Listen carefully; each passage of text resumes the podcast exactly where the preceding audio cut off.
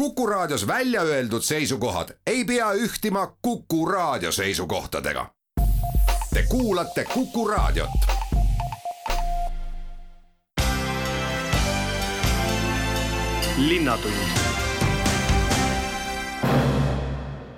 tere täna vaatame esmalt üle, mis sai Tartu eestikeelse hariduse tegevuskava sisse, mis just äsja valmis sai ja mida tõotab äh, tuua suvi noortele tartlastele ja ka Ukraina sõjapõgenike lastele.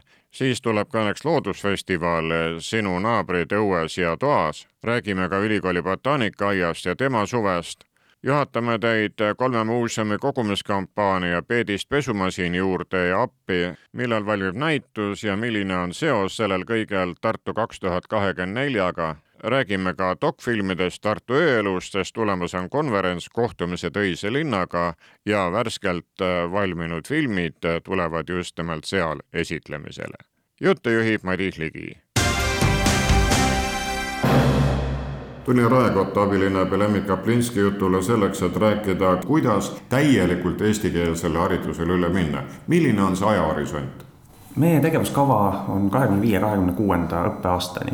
niimoodi tulemusi me näeme kahekümne kuuenda aasta kevadel, kui õpilased sooritavad siis põhikoolis B2 tasemeeksamit ja gümnaasiumiastmes C1 tasemeeksamit. me räägime eestikeelsest haridusest kakskeelsetes koolides meeldetuletuseks, kui palju on Tartus neid, kus praegu käib kahes keeles? koole on kaks, Tartu Annelinna gümnaasium esimesest kaheteistkümnenda klassini ja Aleksandr Puškini kool, mis on siis põhikool ja kolm lasteaeda, Mõmmik, Annike ja Kelluke milline on praegu see trend, aastaid tagasi on hakatud rääkima sellest, et järjest rohkem venekeelsete vanemate lapsed, nüüd siis ka veel muukeelsed, sest linn on rahvusvahelistunud järjest enam, panevad oma lapsi kohe eestikeelsesse lasteaeda, kas see suund jätkub? jah, Eestis me näeme, et tegelikult äh, igal aastal paar protsenti kasvab nende vanemate osakaal, kes panevad oma lapse Eesti kooli. ja mida me Tartus teeme, me tegelikult anname sellele samale trendile hoogu suuname sinna lisavahendeid, et oleks võimalik palgata õpetajaid, valmistada ette õppematerjale, anda lastele rohkem võimalust osaleda eestikeelses huvihariduses. aga me ei tee midagi, mis juba ei oleks tegelikult selgelt töös. Nojah, sest poliitiline suund on maha pandud, kui te võimuleppe alla kirjutasite, nii et nüüd on siis lihtsalt tegevuskava, mis täpsustab seda sihti. Täpselt nii, et kõige olulisem asi, mida ta täpsustab muidugi, on see, et mis on need eesmärgid, mida me tahame saavutada ma juba siin tõin välja äh, keeletasemed, mis äh, muutuvad äh, siis ühe võrra, kuidas öelda, mitte karmimaks, see, see ei ole õige sõna siin kasutada. et, et me nõuame ühe võrra paremat keeletaset. Ja samuti täpsustavad ka neid rahalisi vahendeid, mida linn siis suunab koolidele, lasteaedadele. Kas linn peab siin oma rahaga läbi ajama, aitab riik ka nüüd, mine tea, kuidas Toompea tuuled puhuvad muidugi rahastamise osas eh, riigi poolt me täiendavat eh, tuge selle tegevuskava elluviimiseks ei oota. küll aga ma loodan, et meil on väga hea koostöö Haridus-Teadusministeeriumi, Haridus-Noorteametiga selleks, et töötada välja õppematerjale, teste, kõiki muid taustategevusi, viia koolitusi läbi õpetajatele. ja meie kontaktid nende ametkondadega on olnud väga, väga positiivsed ja, ja ma usun, et Tartut jälgivad päris mitmed silmapaarid kuid kuidas jälgivad need silmapaarid, mis on praegu siis kakskeelsetes koolides, et eh, kas nad on ammu seda otsust oodanud või kirtsutavad nina ja on vingus? arvestades, et eh, meie tegevuskava tegelikult ei näe mitte kuidagi ette vene keele õppimise piiramist või vene kultuuri õppimise piiramist, vastupidi, nendes koolides me näeme edasi, et vene keelt õpetatakse kõrgel tasemel emakeelena ja samuti ka vene kultuuri, vene kirjandust siis just eile oli meil näiteks äh, Annelinna gümnaasiumi hoolekogu koosolek ja see möödus väga meeldivas äh, õhkkonnas. Äh, lapsevanemad, õpetajad, kooli juhtkond olid ühemeelselt toetavad ja olid väga rõõmsad, et neil on võimalus jätkata juba neil töös olevaid ähm, protsesse, aga nüüd lisavahendite abil kuid äh, juurde on tulnud ju ka Ukraina sõjapõgenikud, äh, kes õpivad samuti mitmes koolis, siin äh, raatuse direktor on öelnud, et ei ole probleeme, läheb see läbisaamine ja õppetükkide võtmine päris hästi, kui linna peale tervikuna vaadata, milline on tagasiside Raekotta? ja, et me peame nüüd tegevuskava raamidest välja tulema, et tegevuskava koostamist me alustasime enne konflikti Ukrainas, Venemaa agressiooni ja seetõttu me ei ole tegevuskava eesmärke sidunud Ukraina, Ukraina sõjapõgenike laste edasijõudmisega meie koolides. tegevuskava käsitleb seda teemat, aga tõdeb ka, et kuna olukord on väga dünaamiline ja pidevas muutumises, et siis me ei saa enda nelja aasta äh, eesmärke siduda sellega. kui nüüd rääkida tegevuskavast väljaspool, siis kõik Tartu koolid, kus on Ukraina õpilasi, on väga hästi hakkama saanud. aga see muukeelsete laste lõimimine meie haridussüsteemiga joonib veel kord alla vajadust, et keelekümblusmetoodika ja LAK ehk siis lõimitud aine keeleõppe metoodika, mis täna on just meie kakskeelsete koolide FATE, et see kompetents peab laienema teistesse Tartu koolidesse, näiteks sellesse samasse Raatuse kooli või Descartesi kooli, niimoodi, et tulevikus oleks võimalus avada keelekümblusklasse ka teistes koolides aga kas Tartu linn näiteks organiseerib nendele sõjapõgenike lastele mingeid suvelaagreid selleks, et nad eesti keeles esimesed sammud edukad teeksid ja see sisseelamine valutumalt läheks? jaa, esimesed sammud on äh, Ukraina sõjapõgenike lapsed teinud juba lasteaedades, koolides. Äh, ise käisin Annelinna gümnaasiumi äh, lõpuaktusel, kuulasin, kuidas lauldi laulu Kauges külas ilusas eesti keeles, Ukraina lapsed laulsid Äh, suvel loomulikult nüüd äh, Haridus-Teadusministeerium rahastab äh, keelelaagreid, mida korraldavad huvihariduskoolid, üldhariduskoolid, teaduskeskused, muuseumid.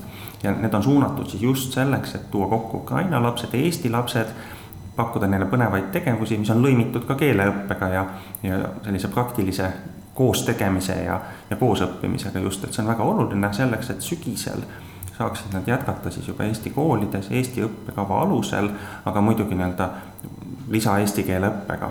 et äh, kui kevadel Ukraina laste puhul me ütlesime selgelt, et, et õppekava järgimine ei, ei ole nende puhul võimalik, et oluline, et nad tuleksid tagasi kooli, leiaksid siin sotsiaalset äh, võrgustikud, teisisõnu leiaks sõbrad, lapsed leiavad äh, sõpru kergesti. et siis sügisel on meil juba teised ootused, et Eestis kehtib koolikohustus ja see kehtib äh, ka siin viibivatele ukrainlastele. nii et äh, suvised keelelaagrid on üks väga oluline võti, aga see muidugi ei lahenda ära kõiki küsimusi. et see intensiivne keeleõpe jätkub aasta, kaks, nii palju kui vaja seega, tulles lõpetuseks algteema juurde tagasi, et kui riigi tasemel veel nii-öelda poliitiline võitlus käib, kuidas täielikult minna sellele eestikeelsele õppele üle, siis Tartus on rajajooned väga selged ja nüüd on siis Raad võtnud vastu ka selle tegevuskava, et meil pole enam vaielda midagi, vaid tuleb tegutseda. ja, ja tegelikult tegutsenud oleme me juba aastaid. Tartus on võimalik minna üle eestikeelsele õppele nelja aastaga sellepärast et meie kakskeelsed ja keelekümbluskoolid, lasteaiad on juba olnud väga tublid, nad on aru saanud, et see on see suund, kuhu me liigume, on tehtud põhjalikku tööd lastevanematega, õpetajatega, viidud läbi koolitusi. ja meie jaoks see on küllaltki väikene samm. riigis on muidugi olukord palju-palju keerulisem, me ei saa võrrelda Tartut ja Narvat näiteks. aga see ei tähenda, et Tartu oleks võinud kummi pikemalt venitada, vastupidi, see, et me meie stardipositsioon oli niivõrd hea tänu, tänu heale eeltööle, et eh, see kohustab meid, kohustab meid Tartus olema teenäitaja ülejäänud Eestile. ja teenäitaja ka selles osas, et see ei ole poliitilise kempluse koht. see on ülioluline küsimus meie riigi terviklikkuse jaoks, me oleme nii väikene riik, et ma ei saa lubada kahe paralleelühiskonna eksisteerimist, nii-öelda eestikeelse ja venekeelse. et eh, me oleme liiga väike selleks, et liigume koos edasi linnatund.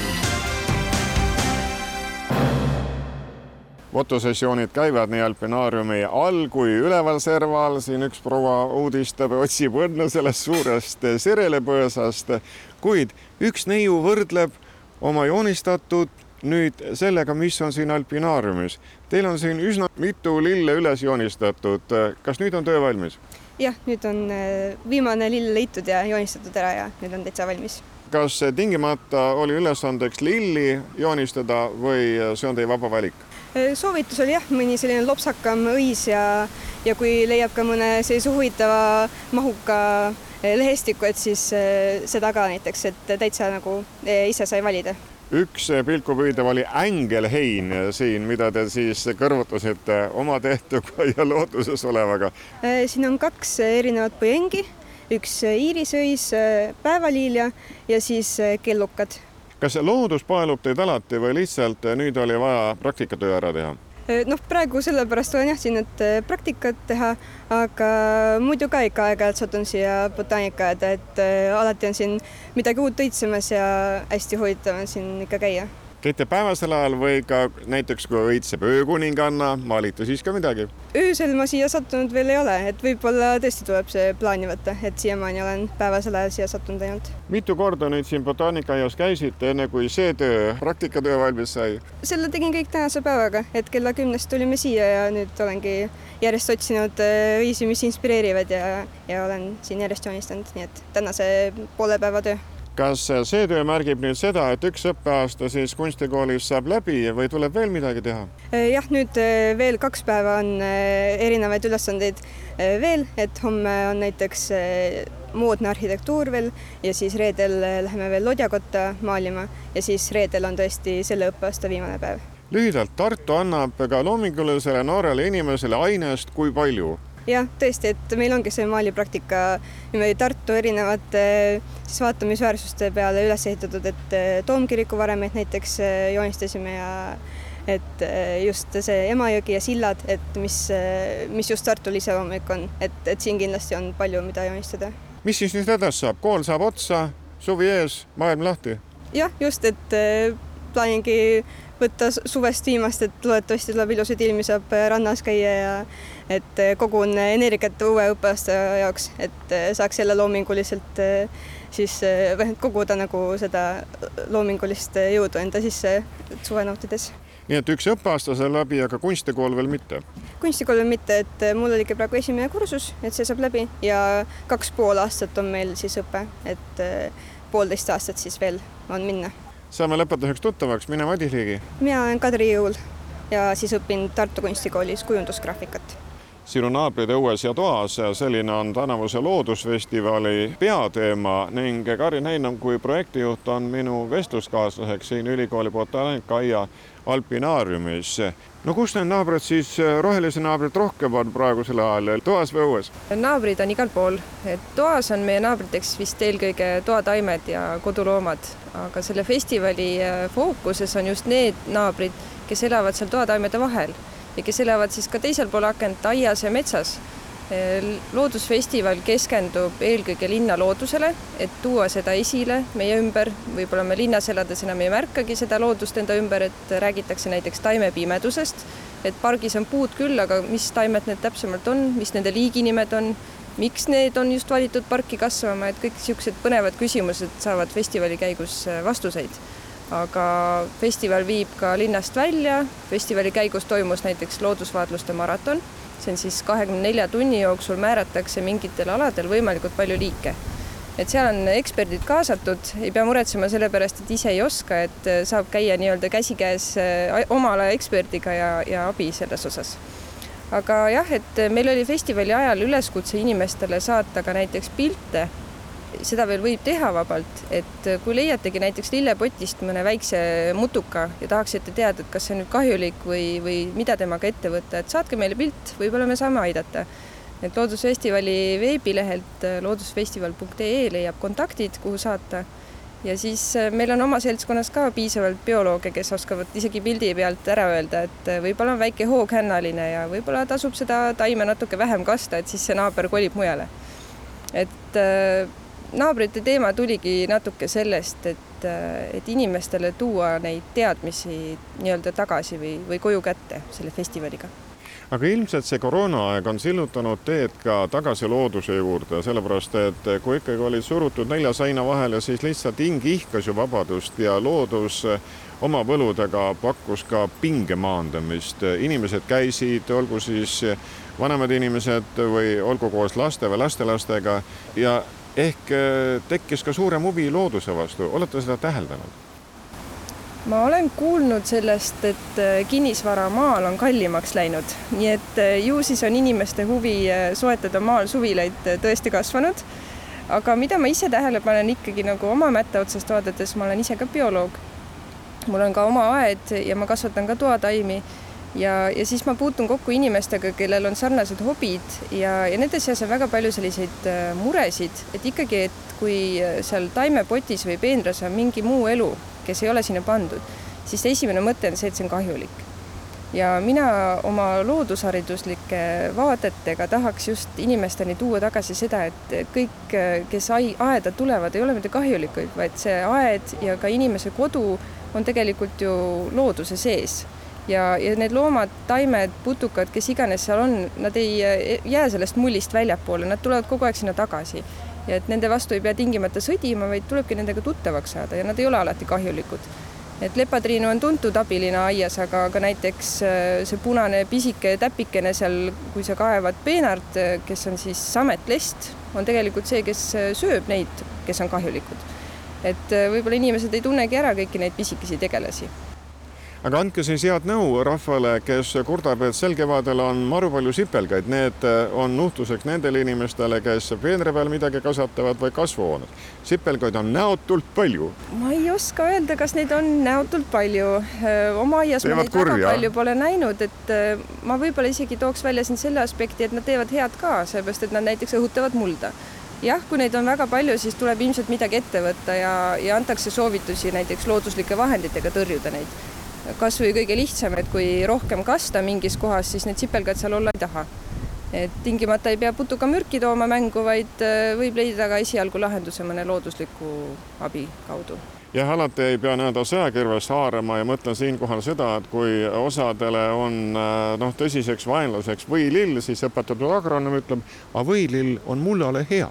nii et oleneb äh, vaatenurgast ja mättast, kuidas siis probleemile läheneda just nii ongi, et äh, mina olen suur linnuhuviline ja, ja toon siin võilillede juures kohe välja selle, et äh, võililleseemned on äh, toiduks väga paljudele väikestele lindudele ja inimestel ikka meeldib oma aias linde vaadelda ja kuulata, nii et miks mitte, mõnel võilillel lasta ikkagi seemneid ka kasvatada, et kõiki loomulikult linnud ei jõua ära süüa, aga tänu nendele on võimalik oma aeda elu meelitada kui me siin ülikooli botaanikaaias oleme, siis äh, tuleb äh, tunnistada ka, et näiteks see nurmenuku vaatlus, äh, mis ju praegu vist teist kevadet või kolmandat käis, see on ka inimesi toonud looduse juurde ja väga agaralt on sellest võimalusest kinni haaratud, läkitada oma informatsiooni ülikooli inimestele ja, ja selle nurmenuku üleskutse juures ongi väga äge see, et see üleskutse on tegelikult väga lihtne. vaadake nurmenuku õit ja te märkate, et need õied võivad olla kahte tüüpi ja andke teada, millist tüüpi õisi te näete et äh, selles mõttes äh, mulle ka meeldis see üleskutse ja, ja see inimeste kaasamine ja oli näha, et inimesed tõesti läksidki sellega kaasa.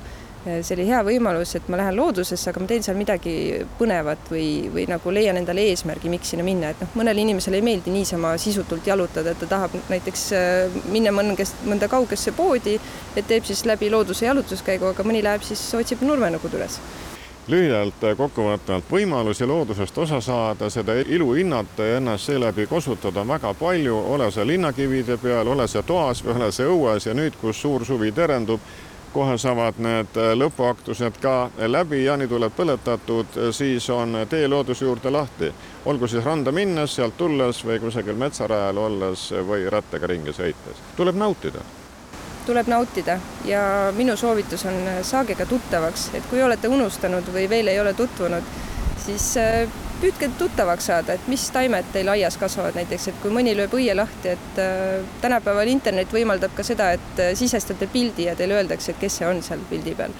et kasutage neid võimalusi, et kui ei ole tuttavat bioloogi, siis kasutage interneti abi palusin mikrofoni juurde ka botaanikajuhataja Jüri Silla, sellepärast et äh, botaanikaaed on eriti suvel väga populaarne koht. siin praegu noored emad lükkavad lapsevankrid, koolilõpetajad käivad niisama patseerijad, ajame juttu lõunatunnil. nii et käiakse nii hommikul kui ka õhtul, kas õhtul enne üheksat ka ikka on veel jalutajaid? ma arvan, et siis on neid kõige rohkem veel, aga hommikul äh, kella seitsme paiku, kui ma tööle tulen, siis näiteks äh, on siin joogavõimlejad, sörkijooksjad, nii et ja muidugi taimehuvilised. nii et äh, külastajaid jätkub äh, hommikul jah, kella kuuest õhtul kella üheksani. seega botaanikaaed on väga mitmefunktsiooniline. ja kindlasti, kindlasti kuid äh, kui praegu me siin enne eelmistest intervjuudest rääkisime just Loodusfestivalist, siis kui vaadata neid üritusi, mis siis peale taimede uudistamise ülikooli botaanikaaed veel sel suvel pakub, siis mida on oodata? No oodata on meie kollektsioonide õide puhkemist eelkõige, nii et kui ma nüüd ruttu siin nad ette loeksin, siis inimesed enne kui lähevad päris Eesti loodusesse, võiksid tulla tutvuda meie Eesti looduslike taimede osakonnaga, kus on üle poole meie floorast esindatud. lisaks sellele on meil ravimtaimede osakond, kus on ligi pool tuhat erinevat liiki, kusjuures ka selgitavate siltidega, et mille poolt või vastu üks või teine taim on. Lisaks on meil väga omanäoline samblaaed, kus on noh, julgelt võiks öelda kolmandik Eesti looduslikest sammaldest esindatud ja varsti lähevad õidepõiengid, roosid, mis on kindlasti hästi populaarsed. aga kui rääkida tegemistest, siis kui sel aastal tähistas oma kahesaja kahekümnendat sünnipäeva Loodusmuuseum, siis Botaanikaaed tähistab oma kahesaja kahekümnendat sünnipäeva järgmisel aastal. Ja, ja selle tõttu on meil oodata ka mõningaid remonttöid, et natuke parandame Botaanikaaias olevat linnamüüri, renoveerime saarele mineva silla ja, ja no ütleme siis niimoodi, et värskendame ka rotundi saare peal lisaks jätkame kivisillutise äh, rajamist laste mänguväljakule aia loodenurgas ja loodetavasti äh, saame sügiseks ka valgusteid juurde. Saab tulla ka pimedal ajal vaatama siis äh, seda ilu, mis siin botaanikaaias on? ja see on kindlasti meie taotlus, et külastajaid jätkuks aasta ringi kas käiakse ka niiviisi grupiti, et küsitakse botaanikaaia käest giidi või lihtsalt inimesed käivad ringi ja loevad silte ja naudivad? seinast seina, alates konsultatsioonidest, noh, mis tulevad meili teel küsimused, minnakse aednike juurde, kes teevad oma igapäevast tööd kollektsioonidega samamoodi tellitakse, ütleme, ekskursioone väiksematele gruppidele, noh, loomulikult on meil ka õppeprogramme, noh, mis siis, mis siis on peaaegu nagu kohustuslik kevadine koolilaste tegevus botaanikaaias, nii et tõepoolest seinast seina kümme-viisteist aastat tagasi oli väga populaarne see, et kui noored paari läksid, siis tuldi botaanikaaeda, et teha üks pilt, kas siis olenevalt aastaajast kasvuhoones või kusagil aia peal või selle saarekese peal, seal rotundi all pandi suisapaari. kas see liin on jätkunud? ja toimuvad paaripanemised, toimuvad äh, fotosessioonid, nii et selles mõttes selle koha pealt ei ole mitte midagi muutunud Õnneks on inimestel huvi äh, ja ka pinge maandamise kohti vaja nagu otsida, nii et ülikooli botaanikaaiast saabki siis, saab ilusa pildi ette, saab ilusa pildi mälestuseks kui ka stressi maandatud. ja, ja, ja lisaks sellele ka palju teadmisi. linnatund päevasele ajale vaatamata hakkame rääkima nüüd ööelust ja seda sellepärast, et Eesti Rahva Muuseumis on tulemas konverents Kohtumised öise linnaga ja seal äh, selle raames esitletakse ka vastvalminud dokfilme Tartu ööelust. Karin Leivategija on äh, sellega kõige paremini kursis. mitu filmi on siis valmis saanud? filmid hetkel valmivad, et äh, tegemist on siis rahvusvahelise üritusega, kus antropoloogid ja filmitegijad üle maailma on kogunenud ERM-i nädalaks residentuuri, mis äh, praegusel hetkel veel kestab, et siis kaamerad käes minna öist Tartut avastama. et nüüd siin kaks ööd järjest, kolmas öö järjest, neli gruppi käib äh, äh, linnas ringi ja, ja siis koostööna valmivad kuue kuni üheksa minutilised ööfilmid, mida me siis nädalavahetuse konverentsil hakkame ka eksponeerima kas filmitegijad on absoluutselt vabad või on äh, konverentsi korraldajad andnud neile mingid suunad, teemad ette? Äh, teatud piirangud neil on, et äh, kogu selle residentuuri juhendaja Jeff Silva, kes ise on tunnustatud dokfilmi tegija, tema on andnud neile sellised äh, noh, ütleme sellised nagu mä natuke mängulised piirangud, et, et, et mida võib ja mida ei tohi teha, aga ma jah, nii täpselt sellega ei olegi kursis, et nad peavad siis ise nagu navigeerima neile ette antud piirangute sees, aga samas noh, teemasid saavad nad ikkagi, öise linna teemasid saavad nad ikkagi ise valida. nii et eh, ehe ööelu, mitte mingi lavastus? ei, seda kindlasti mitte, aga eeldatavasti tegelikult mitte selline, ütleme, peo ja tantsurohke ööelu, vaid pigem äh, öine linn üldiselt, et, et äh, erinevad meelelised kogemused ja, ja tänaval kohatud inimesed, et, et need teemad on nagu mitmekesised me räägime Linnatunnis sellest seepärast, et rahval on võimalik neid filme ka siis vaadata mm. -hmm. filmid lähevad ERMi fuajeesse terveks nädalavahetuseks üles, et neid saab seal siis äh, iga hetk äh, saab seal nendega tutvuda ja pühapäeva hommikul kella kümne paiku siis kõik residendid oma neid filme Hurdasaalis ka tutvustavad, et kogu seda kogemust, et mida nad siin on läbi elanud nädala jooksul. kas selleteemalisi konverentse on meie mail enne ka toimunud? ei ole, et selline, ütleme, et ööuurijate konverents noh, sellisena on üldse üsnagi uus asi, et, et paar aastat on Portugalis toimunud rahvusvaheline ja nüüd siin-seal neid äh, on veel näha, et, et aga et siinmail on see ikkagi, ikkagi jah, ainulaadne hetkel. Tartu on konverentsi kohaks lihtsalt sellepärast, et ülikooli linn ja Eesti Rahva Muuseum oma võimalustega ja peebutustega, et ka filmi teha või mingil muul ajal noh, see koostöö sai meil alguse, kuna ERM ei korralda seda üksi, vaid koostöös ühe rahvusvahelise visuaaluuringute võrgustikuga, kus ma käisin konverentsil ja ma otsustasin, et ma tahan äh, selle võrgustiku kutsuda Tartusse, et ma ise olen ERMi teadur. ja nad olid heal meelel nõus, et, et selline residentuur ja konverents Tartus võiks toimuda ja kuna minu uurimisteemaks ongi linnaöö, siis ma pakkusin ka välja, et äkki siis sel, sel aastal teemegi sellise linnaöö teemalise residentuuri ja konverentsi nii et eh, kui inimesed näevad eh, nüüd neil päevil, et eh, hilistel tundidel või suisa peale südaööd keegi käib ringi ja suristab kaamerat, siis need võivad olla need inimesed, kes on seotud teie konverentsiga Kohtumised öise linnaga. just need võivad olla need inimesed. mille vastu te siis ise Tartus nagu huvi tunnete ööelu poole pealt? minu huvi on suur ja lai, et ta on nii ajalooline kui tänapäevane nagu sellise öise kogemuse huvi, et mind väga huvitab see, kuidas öist aega on üldse nagu kontrollitud, reguleeritud, et kui öö on olnud noh, keskaja öö on olnud kottpime, et siis on pandud väravad lukku ja inimesed koju ja õues keegi käia ei tohi.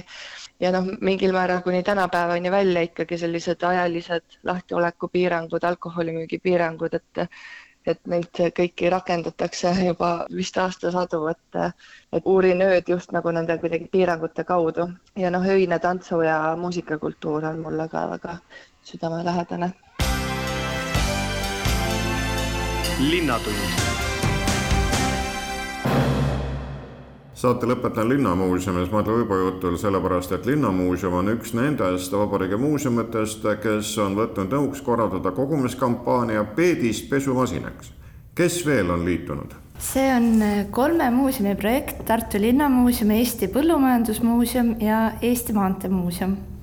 mida te siis loodate?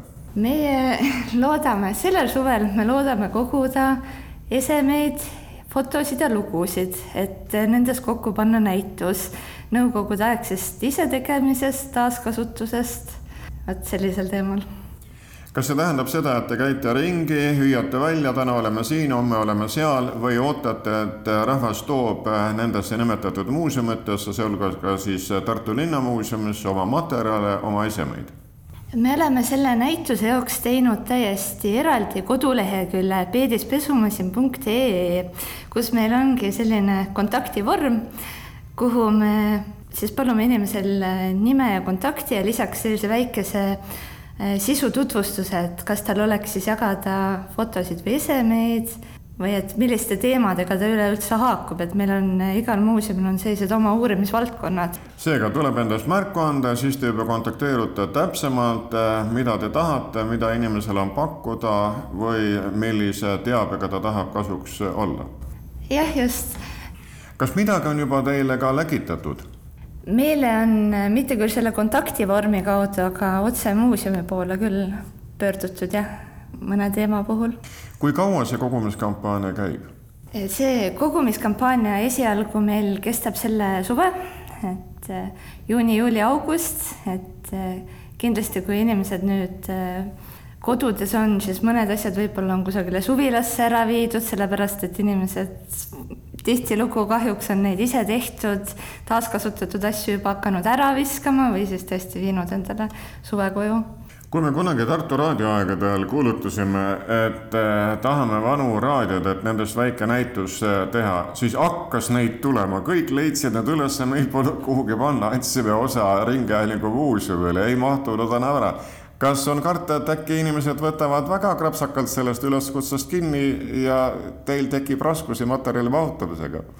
No kui, kui väga krapsakalt, siis, siis võib küll selline oht tulla, aga, aga jah, et iga muuseum siis tegelikult ka otsustab, et mida nad üldse saavad enda kogusse vastu võtta ja võib-olla mõni ese on selline, mida mida näidata ainult näitusel, sest arusaadav, et kõik inimesed ei pruugi ega tahta täiesti püsivalt asju ära anda, et nad annakski võib-olla ainult näidata.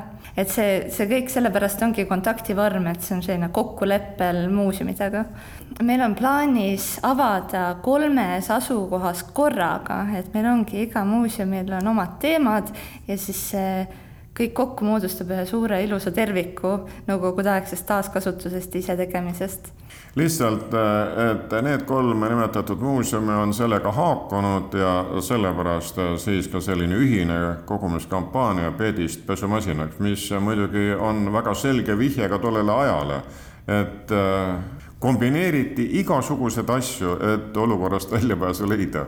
jah, just see, tegelikult see mõte seda projekti teha tuli tänu sellele, et Tartu on kultuuripealinn aastal kaks tuhat kakskümmend neli ja noh, siis oli üleskutse, et, et mida seal programmis teha ja siis need muuseumid võtsid vedu ja otsustasid teha koostööd sellel teemal jah, sest need on ju kõik äh, selles piirkonnas, mille omavalitsused on ka liitunud Tartu kaks tuhat kakskümmend neli programmiga, suisa lepingu alla kirjutanud, need äh, Põllumajandusmuuseum Ülenurmel ja Maanteemuuseum siis Varbusel Põllumaal, nüüd siis äh, selline esimene suurem ühisaktsioon jah, tõsi, see on, me ei ole varem midagi niisugust teinud niimoodi kolme muuseumi koostöös, et see kahtlemata, seal on palju väljakutseid, aga see, see juba on olnud väga tore ja väga kasulik meile kõigile. seega, kes tahab muuseumi aidata ja ajalugu meile lähemale tuua, see löögu lahti Tartu Linnamuuseumi koduleht ja sealtkaudu on ka võimalik äh, jõuda meie selle Peedi,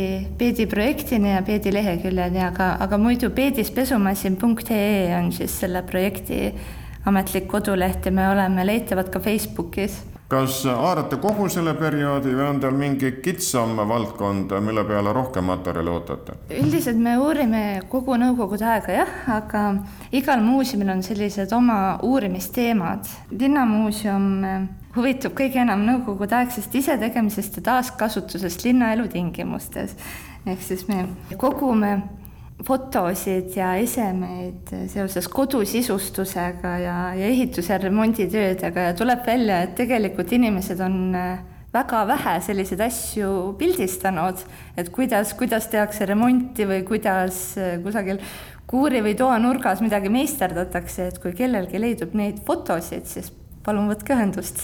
ja lisaks sellele meil on ka mitmeid teisi teemasid, näiteks eh, igasugune hobidega seo-, seonduv, kui inimesed tegelesid kas raadioamatürismiga või fotograafiaga kodus, siis, siis need teemad huvitavad meid samuti.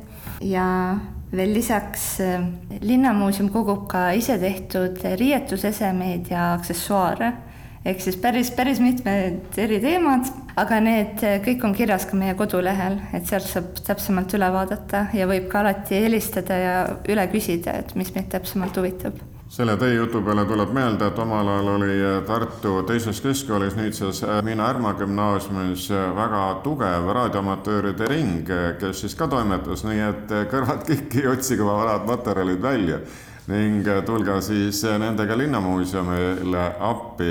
Ja pärast seda hiljem, kui oli juba Tartu sõpruslinnas Lenini ekaanis maavarisemine, siis kusagilt ei olnud informatsiooni saada, küll aga võttis minuga ühendust näiteks üks Valgjärvel elav raadioamatöör, kes oli omakorda siis Armeeniaga ühenduses. Ja nii need kontaktid ja informatsioon tuli. igal ajal omad võimalused ja omad äh, väljakutsed ja kombed, igal juhul kõik need kokku peaksid siis saama selle suvega nendesse kolme muuseumisse, et see näitus püsti panna. on teil juba graafikus kirjas, millal avate? jah, meie näitused äh, avatakse kaks tuhat kakskümmend neli kevadel, aga selle näitusega koosneb ka publiku- ja haridusprogramm, et nende kohta me hakkame ka siis infot enda Facebooki lehel eh, jagama, kui see aeg kätte jõuab. Kallid kuulajad, nii palju tänaseks siis eestikeelse hariduse tegevuskavast ülikoolilinnas loodusfestivalis, suves botaanikaaias, ööelu uurimisest, dokumentaalfilmidest, Tartu ööelust ning kolme muuseumi kogumiskampaaniast Peedist pesumasin. Selgitusi jagasid abilinnapea Lembit Kaplinski, Loodusfestivali projektijuht Karin Hein, kunstikooli õpilane Kadri Jõul ning ülikooli botaanikai juhataja Jüri Sild, Eesti Rahva Muuseumi teadur Karin Leivategija ja tema linnamuuseumi kolleeg Madle Uibo.